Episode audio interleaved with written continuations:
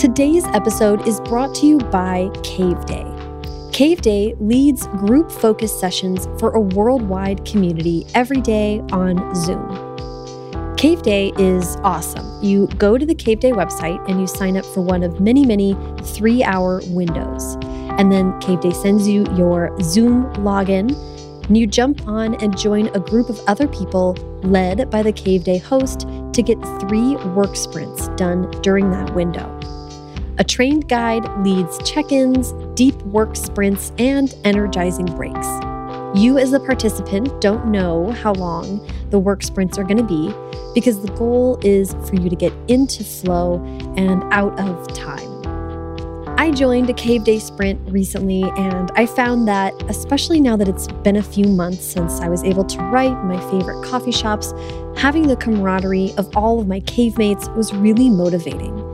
Logging on and seeing that more than a dozen other people, strangers or otherwise, were right there with me, working away and trying to stay focused just like I was, really, really helped. There's something about Cave Day that gave me back some of the community that I've been missing so much. Members of Cave Day report that they get two to four times more done in the cave. It's the beauty of monotasking.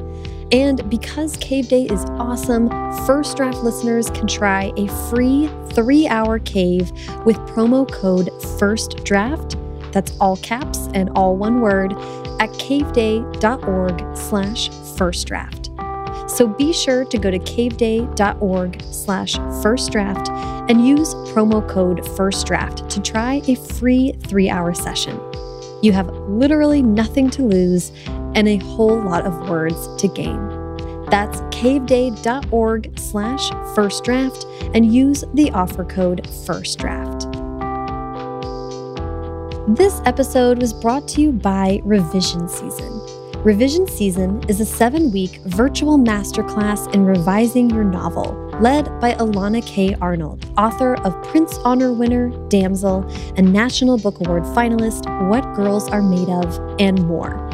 Each week, Elana will send a video lecture and transcript, followed by a series of assignments designed to help you put the week's lessons into practice.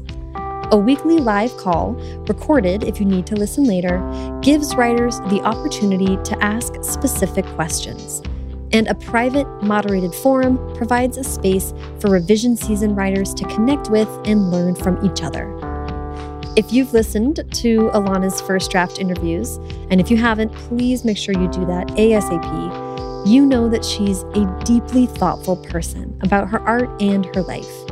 She brings that same energy to revision season, encouraging students to interrogate their feelings about art and themselves in relation to art, to change the beliefs that you've clung to that get in the way of the work that you want to do on the page and in the world. Over the course of seven weeks, Elana's approach with revision season seeks to not only get into the weeds of the manuscript that you're ready to wrestle with, but to enrich and deepen your relationship with revision so that you can move into the next phase of your journey as a writer with more confidence. After going through revision season, you'll have Elana's framework to revision that you can use in all of your future projects in any order that works for you. I'm lucky enough to be taking revision season for the following session, which begins on September 20th. And Elana's already sent me my zero week packet. It came with a video lecture, a transcript of that lecture, and three assignments I can do to be ready when the course begins. If this sounds interesting to you, there's still time to sign up for the next series of revision season beginning September 20th. Learn more about Elana, revision season, and sign up for the course at elanakarnold.com.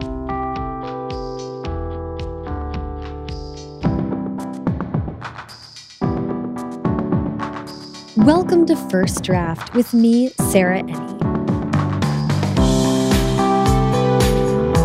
This week I'm talking to Martha Brockenbrough, faculty at the Vermont College of Fine Arts and author of nonfiction for young adults, including Unpresidented and Alexander Hamilton Revolutionary, as well as novels like The Game of Love and Death and her newest picture book, This Old Dog, out from Levine Querido now.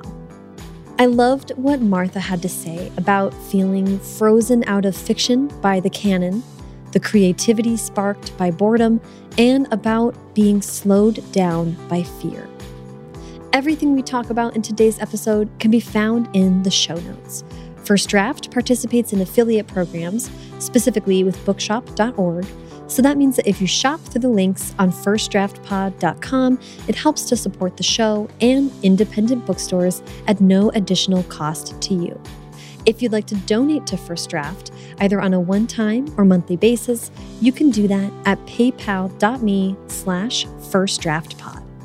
Last week, the final episode of season one of Track Changes dropped in the first draft feed. That episode is all about what authors can do to market their own books, and it's also a call to examine your personal metrics for success early and often so that you can have a mental health saving perspective during launch. Find the entire season, nine episodes plus four bonus episodes at firstdraftpod.com slash track changes. And the publishing info party won't stop for subscribers to the Track Changes newsletter, where every Thursday I share more of the information I gathered in researching for this project, as well as give industry updates and more original reporting. You can sign up for a 30-day free trial of the newsletter and learn more about both Track Changes projects at firstdraftpod.com slash trackchanges. Okay, now please sit back, relax, and enjoy my conversation with Martha Brockenbrough. Okay, hi Martha, how are you? I'm great, Sarah. How are you? I'm doing well. Thank you so much for having me over. I'm so excited to meet you. And I have a bunch of questions for you. I'm really excited to answer them. A little nervous too. I, I, I want to do a good job. I, you're already doing great. um, well, I, as you know, I like to start at the very beginning. So I'd like to ask you where you were born and raised. I was born and raised in Bellevue, Washington, which is a suburb of Seattle. I can look out my window over there and see the town where I, I was born. That's yeah, amazing. I didn't I didn't go far. and I believe is it correct that you went to Lakeside? I did. And is that the same school? Is that the school I'm thinking of that Bill Gates went to, et cetera, et cetera? Bill Gates went there, but more importantly, E. Lockhart went there. Oh, fantastic. I know, I know. And actually, some of her books, you can tell that they're set there. And uh, so it's, it's, as someone who went to school there, I get a great deal of pleasure out of reading that setting.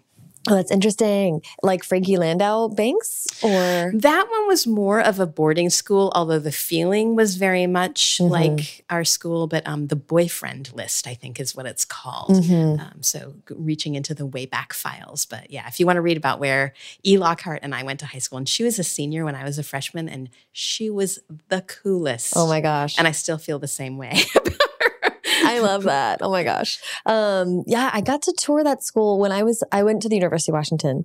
And while I was there, I forget what it was about, but I was writing a, an article about a class they were teaching or something. And so I got to go walk the campus, which was super cool. It was really fun. Um, so that stood out when I was looking at it. Um, I want to hear about how reading and writing was a part of growing up for you. Reading and writing, those were my favorite things to do. I learned to read when I was four, and my parents were worried that I was I was slow to pick up on it because apparently my older brother learned more quickly than I did.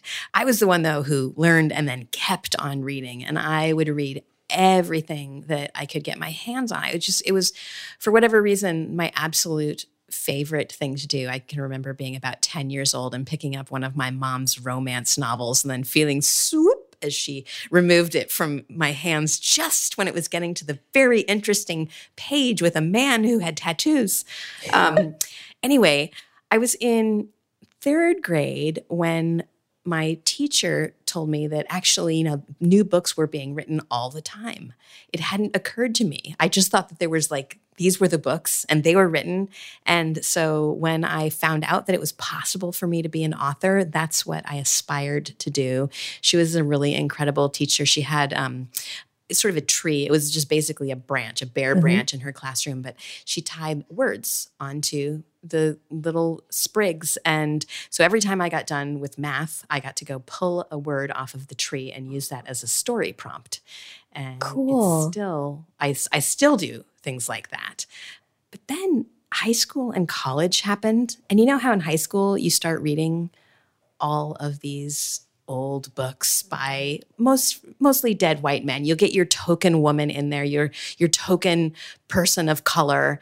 And what we were writing about was it felt like we were turning stories into codes that had to be decoded and it really stripped the joy from the process for me. It also made me feel like I don't know what I could possibly write. Remember that piece Oh. of advice, write what you know? Mhm. Nothing I knew related in any way to anything that I had been reading. And I did go on to college and I did learn Greek and read the Odyssey and the Medea and other things. And by the time I graduated, I was I had been the editor of my college paper and I became a journalist because I'm like, well, that's writing that I know and that's writing that I understand. And that was kind of my journey. I really felt frozen out of fiction um, by the canon. Yeah. So that, I mean, that's a really interesting parallel, like that you and your head can attach so directly to that. I mean, there's a lot of damaging writing advice out there, and that's probably one of them, right? What you know kind of limits people, um, especially when they're not seeing what they know out in the world, all complicated factors. I wanted to mention something about boredom because um, Laurel Snyder and some other friends and I were talking about, you know, the times we were bored when we were children. We did some extraordinary creative work, Mm-hmm. and so uh, allow me to sing the praise of childhood boredom and to you know say to like schools and uh, and teachers like we don't need to program every minute and everything you know test scores are not the measure of anything except how the kid did on that test on that day and if we can let our students imaginations run wild and see what they bring to the world oh my gosh i wish that we would do that and as as writers as grown-ups striving to write let yourself be bored Mm-hmm. turn off the devices, you know, stare out the window. And when your mind starts hungering for something, feed it. There's a reason we get ideas in the shower, right? You're just, you're in an enclosed space with not a lot to do, and your mind can just go places. Your mind can go places and and the the feeling of that water on your brain actually does tap into a certain form of creativity. Really? Yes, it really does. It's not a coincidence. I had read a book that it was um, a discredited book by Jonah Lehrer. And Oh, mhm. it's, do you remember the book? Yes. Because he made up some Bob Dylan quotes Yeah, and and he then repackaged it- some of his other stuff. Mhm. But that was one of the points that he made in it. And the, the whole book isn't garbage, even though there are some problematic parts. And I have personal experience with this. When I was finishing The Game of Love and Death, I had one of my characters up in an airplane with a supernatural being who wanted to kill her. And I'm like, okay, now how do I get her down? And so I went and I took a shower and I thought of the answer while I was all covered in suds. And I did not rinse. I wrapped myself in a towel. I sat down, covered in soap, and wrote the ending. That's amazing. I was just talking to Maureen Johnson. I was just listening to her episode, and she also was explicitly like, oh, water. Like, water needs to be sort of around for me to get good writing done, which is like a really interesting. That's fascinating. Where's home for her? She's in New York City, um, but and travels to write a lot with her friends. So I think she was kind of talking about like going to the beach, going to the waves, then sitting down and, and feeling like she was ready to go, which is very interesting. I think that's so great. I mean, it, it- like, there's lots of parts of the writing process. I mean, I like looking at water too, but I also find that when I switch to a new book, I mm-hmm. like to sit someplace different. Mm-hmm. And so while I have an office right now, this is my table where I'm working. I wrote much of my Trump book in bed. Oh, Um, interesting. other books I've written on the you know those yellow couches over mm-hmm. there and it just made me realize that once I've constructed the space for the project then I stay there Yep. and that helps me. I'm a coffee shop writer, so I'll say that I do very much the same thing. And for two years, I went to one coffee shop religiously. That was about it, five days a week. And then I moved on to a new project, and I was like, it just isn't going to get written there. Like that's just not the right one. So I'm rotating all around. I just found a new one I'm very excited about. So it's very interesting how you can wake up and be like, no, I need to be in this other environment. and giving yourself permission to do that. I mean, if this is like this whole thing, and I think I, we've been talking about it in a roundabout way. Mm-hmm. Just because you don't see yourself in a story, just because you don't have any idea how this business works, you know, just because you don't have an, a, a space to write or whatever, give yourself permission to make everything up. You know, do what makes you write what you're curious about and do it in a way that makes you feel good. Yeah. Oh, I like that. That's perfect advice. Well, I, I want to talk about nonfiction writing. Great. And then and come back to when you were able to dive back into or reacquaint yourself with fiction writing. I read a quote from you that said that was talking about not getting back to fiction until later in life a little bit and how you felt that you weren't doing what you were meant to do. So that's kind of what I'm asking. I spent a long time. So I, I, was the editor of my college paper. I did um, work, I was a high school teacher for a year while I was trying to get a job in journalism. And then I got a job in journalism. And boy, did I hate it.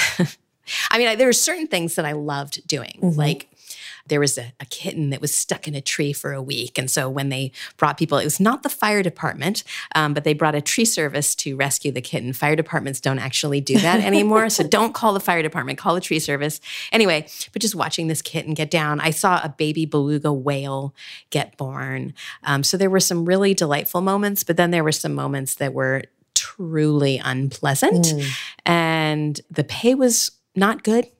And so I went and got a job at the Seattle Times Online Bureau because I thought, oh, this whole internet thing, this was in 1995. So it was brand new. You know, it was just the start of the Netscape as a graphical user interface. And uh, anyway, got a job there. And as soon as I could, I went to Microsoft and um, I eventually became the editor of MSN.com, which at the time was one of the largest websites in the world. Mm-hmm. Here's a really interesting thing. So, you know, Microsoft is a super techie company. They didn't have a lot of people like me who were experts in words. And so the MSN, the browser default page, 99% of people who came to it were immediately leaving. Mm-hmm. And so, you know, you know you've got a repellent product when nobody clicks anything. And so I started with a little patch of headlines and we started crafting headlines. We started packaging them rather than just having it be, you know, scraping data from content mm-hmm. partners mm-hmm. and automatically populating the page. We started putting some care into writing it and it totally revolutionized the product, revolutionized the network. And that was fun and it was interesting. And I learned how, in a very short space, I could convey a lot of meaning. It meant that Twitter was easy mm. when Twitter later came invented. But then I had a baby girl and I realized, wow, I don't know that I want to be doing this. I this is not what I dreamed of doing when I was a kid. And how can I be a good parent to my kid if I'm not actually being brave and trying things? And so I didn't go back to Microsoft. I did, you know, still have bills to pay. Mm-hmm. And so this is when I started doing lots of freelance. I built websites for people. Um, I freelanced for Cranium, wrote questions for Trivial Pursuit. I actually led teams that did those things. And uh, in the background, I was learning how to write children's books. I was reading a ton of them mm-hmm. to my daughter, who's now in college, mm. and uh, learning slowly and carefully how to write fiction and well, I don't want to. Yeah. I don't want to skate by this part. That this is like it's such a kind of a really beautiful story to have your daughter and kind of inspire you in that way. But I, I really, I'm interested in if you can remember back to then, like that's also a pretty frightening thing to realize about yourself that you're not doing what you're meant to do. I mean, how did that feel? Were you, how, what was it like to kind of grapple with that? Well, it was never far below the surface that this was what I wanted to do. And when I travel back in time through my memories, I always think about, you know, the moments that I was standing on a beach and looking at clouds and thinking, how would I describe that scene mm. in a novel? And I forgot to mention that I freelanced for Encarta. So mm. I never actually took maternity leave with my first child. Encarta was an online encyclopedia, and they had been looking for someone to write these kind of journalistic columns about stuff that could mm-hmm. be found in the encyclopedia. And so I volunteered for that job and it was a nice paying gig. And so I took it. And um, so she was just a wee babe in arms, just a few weeks old. And I was writing this column. And that was when it really struck me that, oh my gosh, how can I possibly be a parent if I'm being a hypocrite? How can I tell her to go out and be brave in the world and believe in herself if I hadn't? And it's a, it was, uh, you know, on the one hand, I was lucky because my husband had a job that had health insurance for all of us. And I had skills that I could immediately apply in the world. And so I was able to make that transition. And I think I just, I would have been able to do it had I continued working full time. It just would have been a lot slower. Yeah. Um, and that's one of the things that we have to get used to is the pace of learning, the pace of publishing. It's very slow. But you know what? So is the pace of parenting. My first book for children came out when that daughter was 12. I started writing picture books when she was an infant. And so it took me a really long time. And I would go to these SCBWI conferences and they would say, you know, it can take nine years to publish. And well, let's just say I was behind the curve. It took me, it took me longer. And maybe that was the, um, when you walk with fear on your shoulders, your pace is slower. Mm. And I had a whole lot of that. And that was why I hadn't tried in the first place. So, I mean, here's to children. If they cannot make us more courageous, then um, well, that's on us because that's the whole point.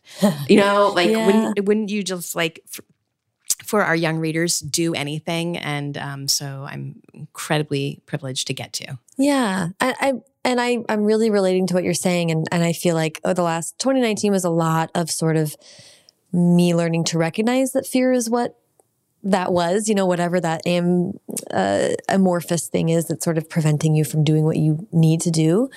So I'm interested in what what if any thoughts you have on like where you think that came from for you. Like what was causing you to fear that so much? Well, you know, I, I, I, like to say that I come by fear naturally. Uh, you know, I, I have always been kind of an anxious person. I've always been a perfectionist. You know, I want to do things well. Mm-hmm. Um, and then, you know, there's a lot of cultural messages around writing. Mm-hmm. Um, you know, how many writers do we know died horrible deaths of sadness? Yeah. So many. And that's kind of glorified in a way that, oh, the suffering they did for their art. And I didn't really want to have that kind of suffering. Um, my parents certainly didn't want me to. They thought that I was wasting a fine lawyer's brain. And, eh, you know, that kind of conflict was never what lit me up. Mm-hmm. Um, it was always words, it was always writing. And so when there's something that you want that much and you don't know how to get there, of course you're going to fear it. Of course. I mean, unless you're just really a super brave person and I'm not. I mean, I'm I'm perhaps less brave than average. so, you know, that just means that I had to work a little harder um, and allow myself to fail a little more often. And uh, yeah, I think that's a good. I mean, it's good to talk about that, right? That's kind of why I'm prodding these questions, is because I think a lot of people can relate to that feeling. I think that they can, and and I was talking with um, my almost 16 year old, and who had experienced a disappointment last week. And I took her to one of my secret websites that I go to, nasa.gov. And we looked at photos taken by the Hubble telescope because, you know, that's about as distant as a perspective on our galaxy as you can get. And it is so beautiful. And there is nothing that we could do that would diminish that beauty in any way. And what a pleasure it is to get to look at it and to be inspired by it. And so that's one of the things that I do when I'm feeling kind of not up to the task. Mm-hmm. Is I go look at pictures of space and think, you know what? I'm here for a short time. It doesn't matter if I succeed or if I fail. It really does not matter. Not one bit in the cosmic sense. And so I'm just going to do my best and not worry. And if other people hate what I do, well, that's on them. That's not on the effort that I've put in. And so one of the things that I tell my students all the time is imagine that every success you've dreamed of is going to happen. Mm. You don't have to worry about that. It's gonna happen. Just take care of the work. And so that's what I, you know, try to remind myself. You know, back when the goal was to get an agent, back when the goal was to get an editor, back when the goal was to get published, to get a starred review, whatever, you know, the incredible moving finish line is, just, you know, know that it'll happen and you just have to do the work. And uh, I like that. helps. It's so interesting that you had your first child and then felt really the pull back to creativity and, and um, children's books in particular, which is really interesting. But your first book that came out was uh, "It Can Happen to You," I believe, is the title. That's right. About was- pregnancy? yeah, it was it was the diary of my pregnancy, and this was how I got back into writing. As you know, I was I was growing this thing inside of me, this this whole life, this human, and doesn't that feel like what we're doing when we're writing books anyway? And so I was writing about the experience and how it was changing me and all my hopes and fears about it. And, um, you know, this was in s- some ways taking me directly back to being a child. I don't remember being a baby. I do remember being a very young kid. Um, but I, I wrote this column and it became pretty popular.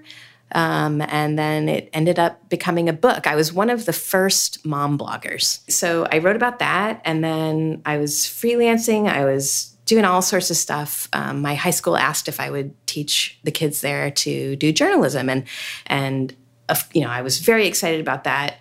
Uh, you know, I was just like doing things and making things and learning things. Um, Well, I, and part of the reason why I really want to spend time on this is that not only what is this very cool that you're sort of, though you had this goal in mind ultimately of writing fiction, you weren't saying no to other things, and you were also pursuing them like all the way. You know, like going all the way through publication. But I'm sure you were learning a ton about how the publishing industry worked as sort of like preparation for when you were really going to go in with your whole heart with this with works of fiction. I mean, what was that whole process like?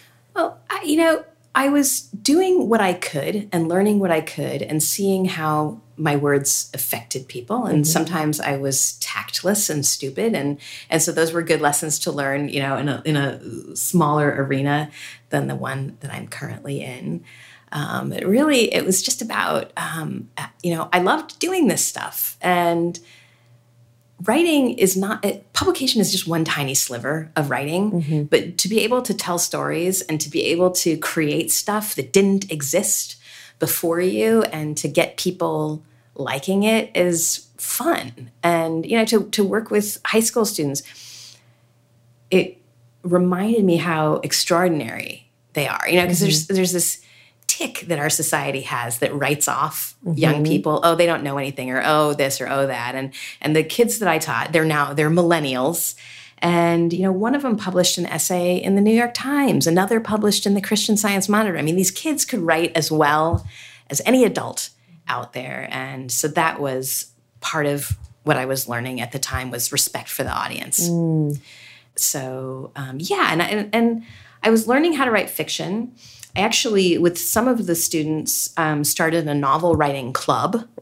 And so i would tell them what i was working on and they were they were um, working on their stuff too. And and um, i was trying to just encourage them to finish as much as i was trying to encourage myself to finish.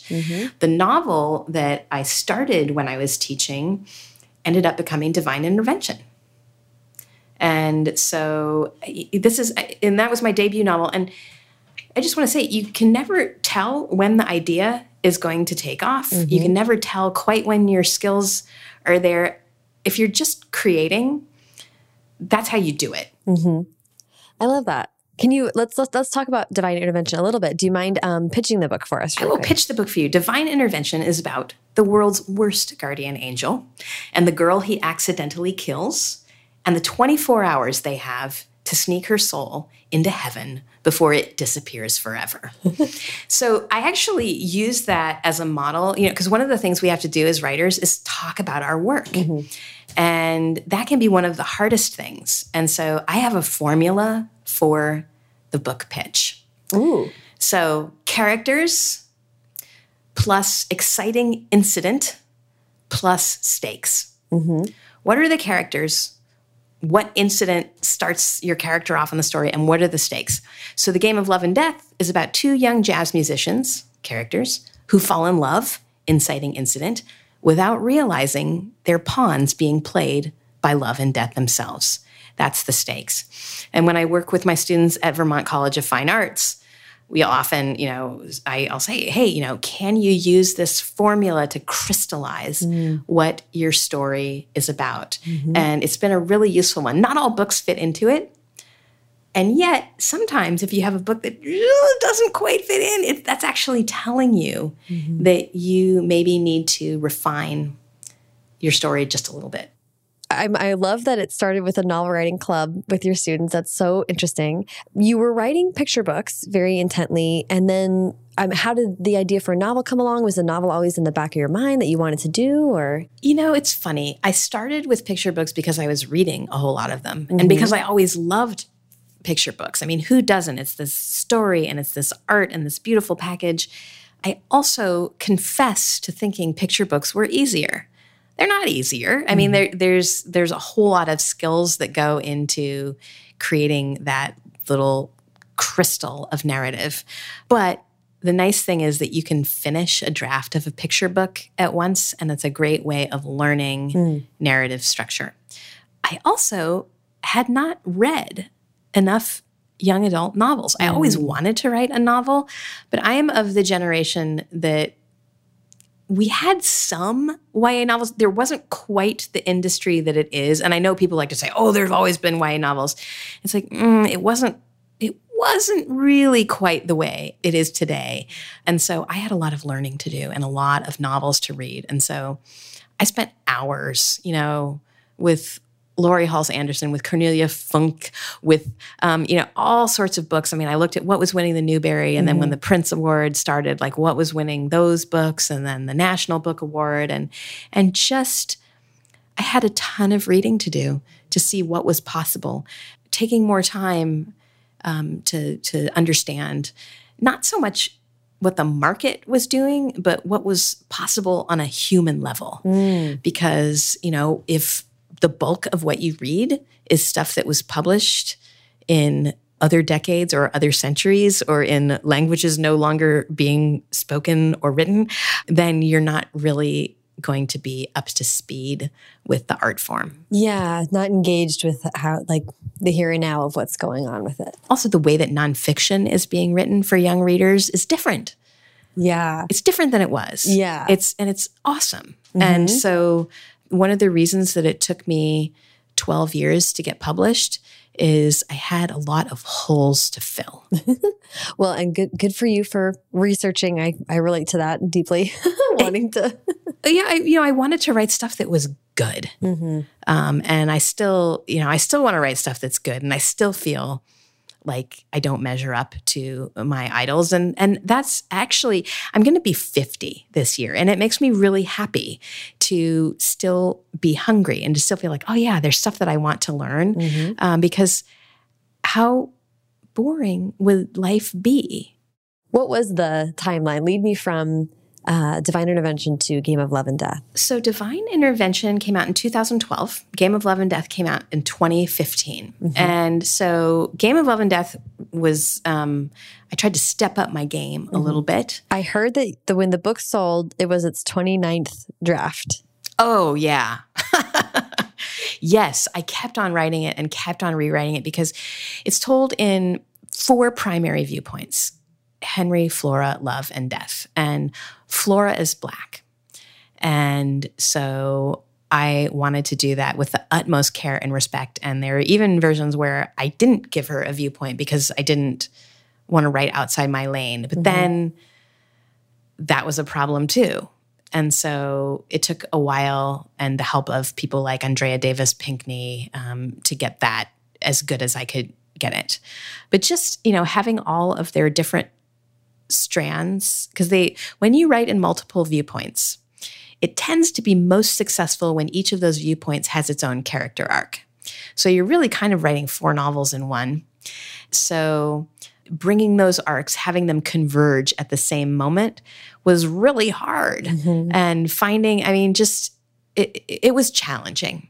And one of the things like when i was on that 27th 28th draft knowing it still wasn't good enough, I did not know how many more drafts it would take and whether it would be good enough. And yet, I had the hope that it could be and that I would eventually get there. And it doesn't really matter. Like a book is not better or more brilliant because it came out of you on the wings of a feverish muse. Mm-hmm. Um, and that would be super if that were to happen someday. I would accept the muse. I would I would welcome her fire. Um, that's just not how it works for me. Um, I, I, like I'm not good at this. I seriously I have to like I have to just keep trying. And I've tried so many different techniques. I've bought so many craft books. You know, I've I've saved the cat. I've done this. I've I've I've tried the sticky note plot method. I've tried all sorts of charts. And for me, the only way through is on my hands and knees in the gravel, in the mud, in my own tears. Mm-hmm. And I eventually get there. Mm-hmm. It takes a really long time. And other people write novels that are really wonderful and do incredibly well much more quickly. But there's room for those of us who are slow and weird in this yes. business too. Yeah, I love that. And and I I feel very similar. I'm really connecting with how you're talking about kind of the in, I think about it as the interplay between nonfiction and fiction. And I do find particular joy in when I can incorporate something that's true but feels fantastic. I like knowing that it's true. I don't know. And then the the the you know tiny number of readers who would even bother to look into that, who then discover that it's true. It's so satisfying for them. It is so satisfying. And, and you know what? There's like almost zero. And yet, I was one of those readers who would have. Mm-hmm. And so it's okay that you know, books are love stories, and mine are love stories to the sad and scared and inadequate and invisible feeling teenage girl that mm. I was.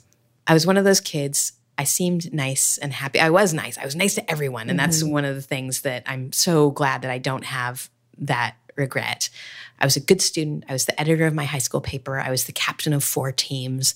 I had 12 varsity letters. I played in the Seattle Youth Symphony. I thought that in order to be lovable, I had to perform.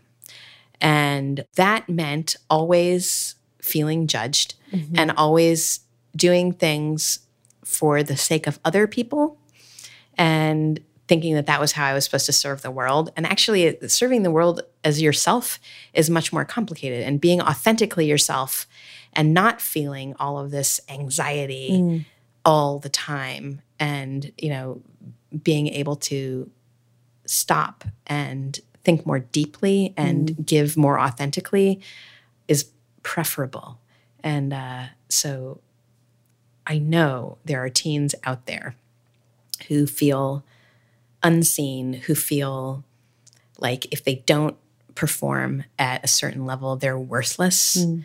and i understand that and that is one of the things that I would like to um, write to those dear hearts. I mean, because there's lots of suffering in the world. And I don't mean to say that that particular kind of suffering is more acute than any, but it's certainly one that I know. Yeah. Um, and so, yeah.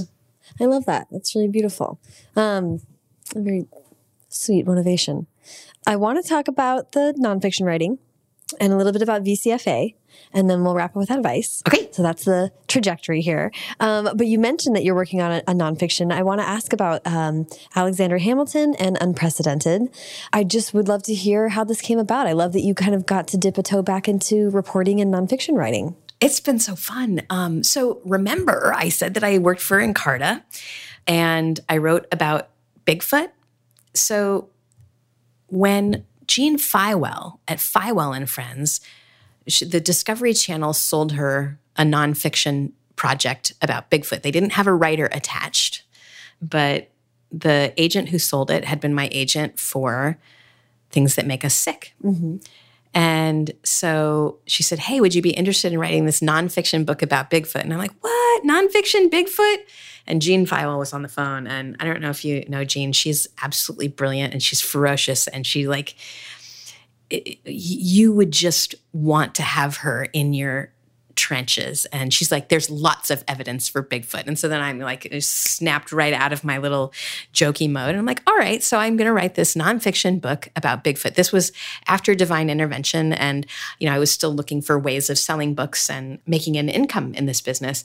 And so I ended up asking lots of questions, you know, like, all right, so where, what do we know about Bigfoot, you know, historically, and where would Bigfoot live, and what kind of science? And so I put together um, a book proposal and a couple sample chapters, and I got hired. So I did that one. Then the Discovery Channel also had a Shark Week one. So I did that. And so Jean was pleased with how those turned out. And when Hamilton became a thing, she's like, hey, Martha, do you want to write about Hamilton? And this was right after the Game of Love and Death had done really well and had been a Kirkus Prize finalist. And, and so I had to stop and think do I want to write another nonfiction book when my fiction is taking off? Mm-hmm.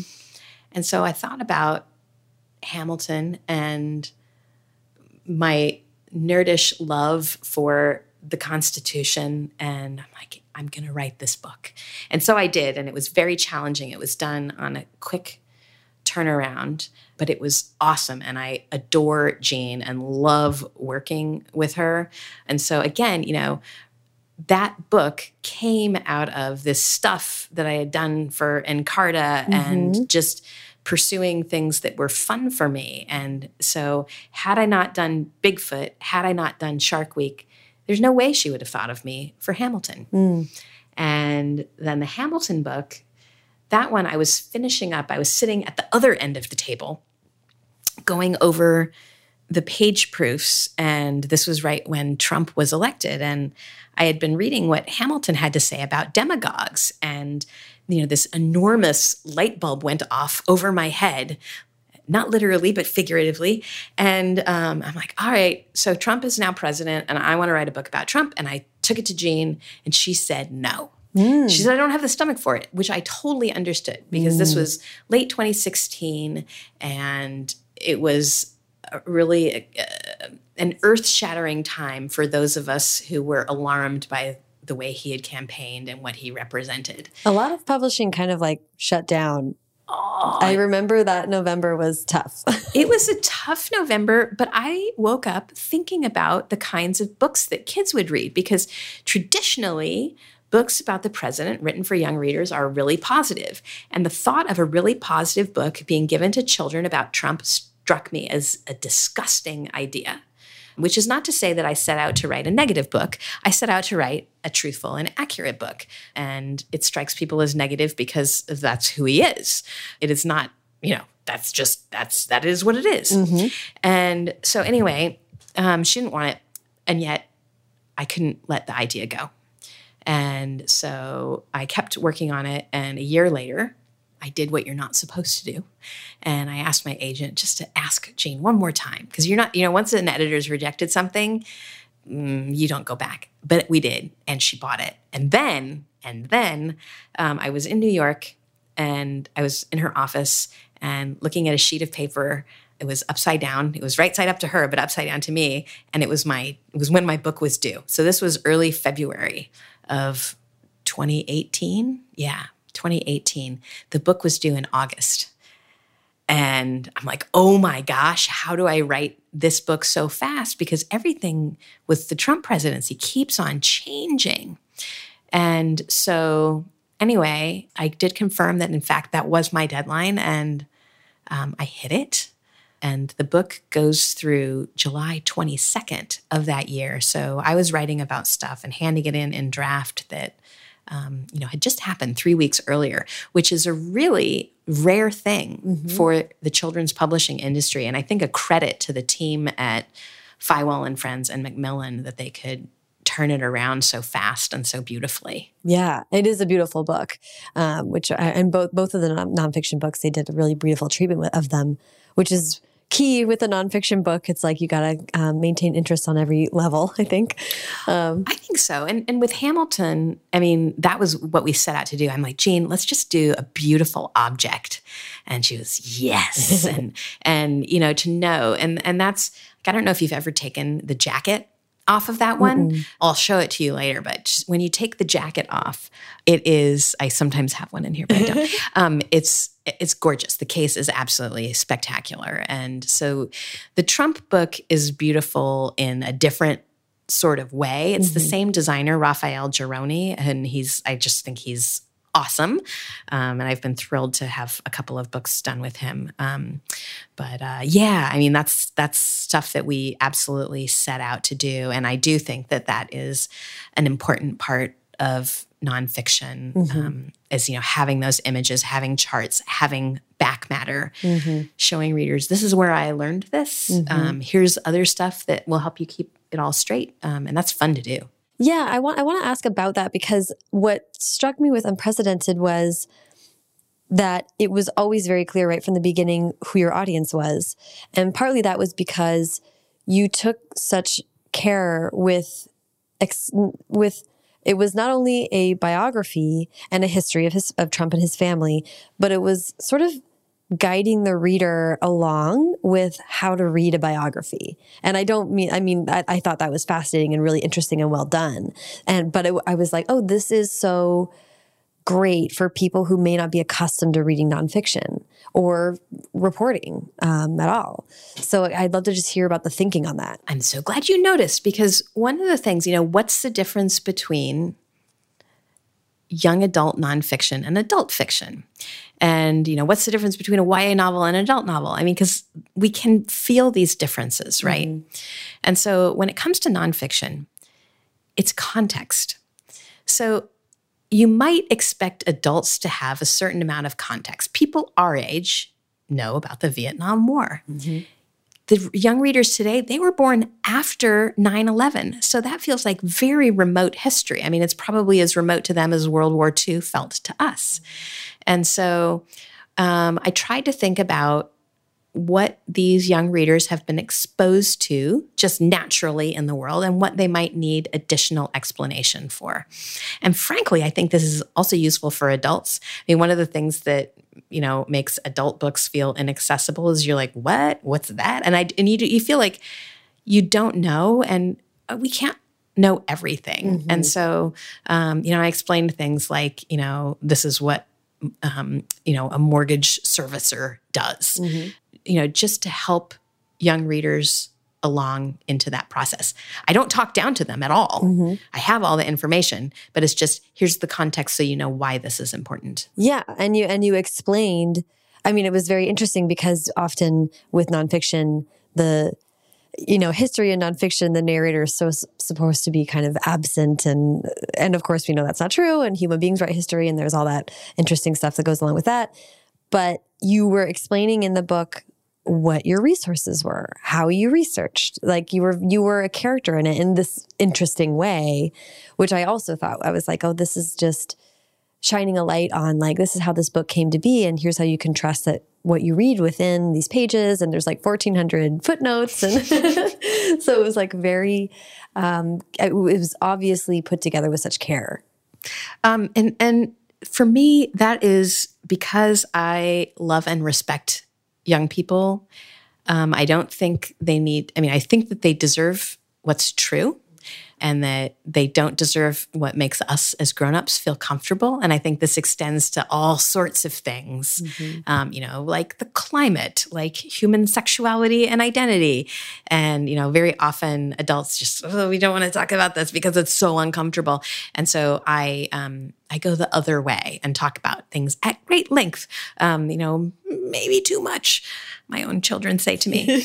um, and so it's really, um, eh, eh, you know, I respect these kids and I want them to know what is important to them. And this is profoundly important. Trump's policies will affect their lives. They already are affecting their lives. And so I wanted a really clear guide to this is who he is and this is how we got here.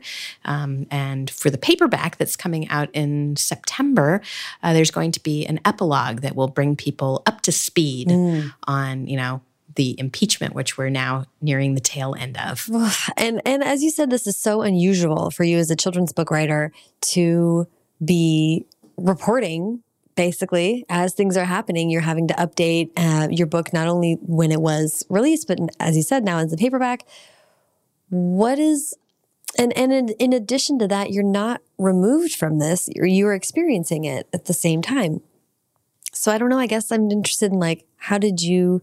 I mean, self care is a loaded term, but how did you make sure that you weren't just getting bogged down by kind of the kind of depressing nature of writing about this stuff? You know, I got totally bogged down by the depressing nature of it. And I was, um, the day I handed in my final copy edits, I got a fever that night and I was sick for months. Oh my gosh. And spent, um, like, we got these, we got our cats. Um, February 4th of last year. And I spent most of February in bed with kittens um, because I was so sick. And so it did affect me. And part of me feels embarrassed like that it did because I wish that it didn't. And that wasn't very much, well, it was pretty fun actually because it was snowy in Seattle, which was odd for February. And snow and kittens is really an excellent combination. Yeah. But it affected me and it made me sad. And what I had to keep reminding myself is that um, I am relatively shielded from the worst of the effects. And so the people I work for are the ones who are experiencing it, um, you know, every day. So I can take a bit of suffering. Now, in terms of how to manage all that information, for me, um, spreadsheets are really vital. Now, a lot of writers are like, oh, I don't like to do mathy kinds of things. And well, you do have to find a way of organizing information. I also use it for fiction. And so the novel that I just wrote, you know, it took place over like 50 years. And so I had a timeline. And this is what I did for the Trump book is I had a timeline. And for the epilogue, I'm also putting together a timeline. Mm. And so, you know, this is when something happened. Here's what happened. Here's my source for this. So then when I go to write, I know, you know, this is what happened. This is, I mean, because that's what we're constructing. Now, really great nonfiction reads as much like a story as possible. It, you know, narrative nonfiction, I should say. You can't make stuff up mm-hmm. because then it's fiction. And so every detail I have, like if I've got the color of his necktie, well, that's the color of his necktie, and you can count on that. And, you know, but otherwise, I don't do any composites. I don't mm-hmm. make up a single fragment of anything as, as well sourced as I can. So to keep track of all that information, I needed to have that chronological spreadsheet. And, um, it's actually kind of fun to build one because you know you just you, you, work on it a little bit every day over a long period of time and eventually you've got these thousands of items and it feels like hey this is it and so that's um, for writers who are trying to get a handle on a story even if it's fiction just make a spreadsheet of mm-hmm. this is what mm-hmm. happens and here's the date mm-hmm. and you might start to notice interesting things or patterns and one of the things with the trump book is Sometimes news stories are about things that happened a few months ago that journalists have only just discovered. And so once you put everything in chronological order, you can realize, wow, that was a really bad week for Trump. You know, wow, like, oh, that's why he treated the tweeted about banning transgender people in the military. He was, you know, wanting to distract people from the fact that two of his campaign staffers got arrested that week.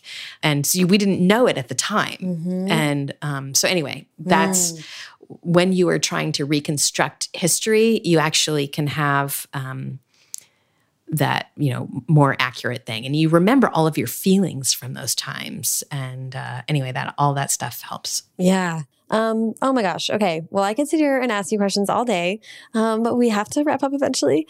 And you've given so much incredible advice already, but I, I'm just interested in kind of you, you you were a teacher yourself so i think you probably have a, a, good sense of the advice that's really useful. So i would just love to hear what how you counsel um, aspiring writers. So there's that first piece of advice is imagine that all the success you dream of will happen because it doesn't do us any good to worry that we're not good enough. We are good enough. Exactly who we are. Um, and there's always more we can learn, no matter who we are. So don't worry whether you'll succeed. Um, the second is, is to read widely and deeply. Some of my biggest sources of inspiration are in nonfiction. And, you know, don't be afraid to take side routes and have adventures. I was once procrastinating on the internet and I saw what looked like a record, but it also looked like a piece of wood. And it turns out it was both. It was a slice from a tree that a German artist had made and turned into music.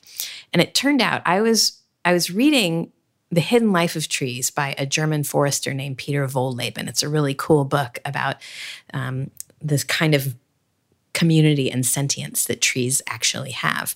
And my work in progress was set in a sentient forest that produced music. And it was so bizarre to me that I found this haunting music and was reading this nonfiction.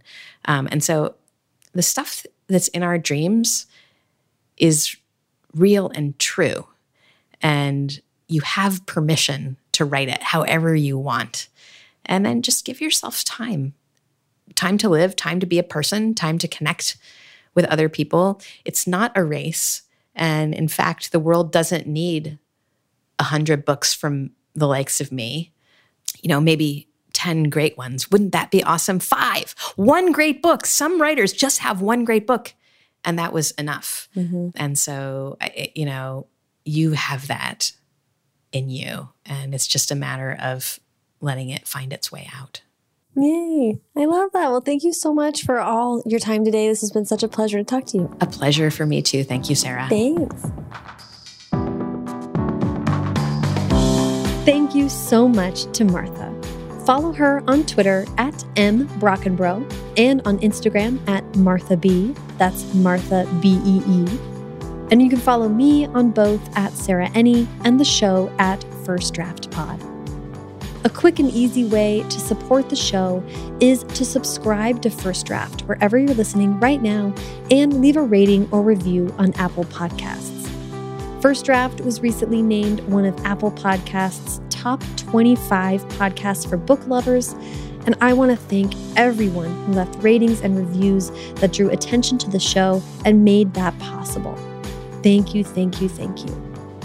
Finally, if you have any writing or creativity questions that me and a guest can answer in an upcoming mailbag episode, please call and leave that question at First Draft's voicemail. That's at 818 533 1998, or you can record yourself asking the question and email that to me at mailbag at firstdraftpod.com. Haley Hirschman produces First Draft, and today's episode was produced and sound designed by Callie Wright. The theme music is by Dan Bailey, and the logo was designed by Colin Keith. Thanks also to transcriptionist at large Julie Anderson, and as ever, thanks to you, Trump Recovery Kittens, for listening.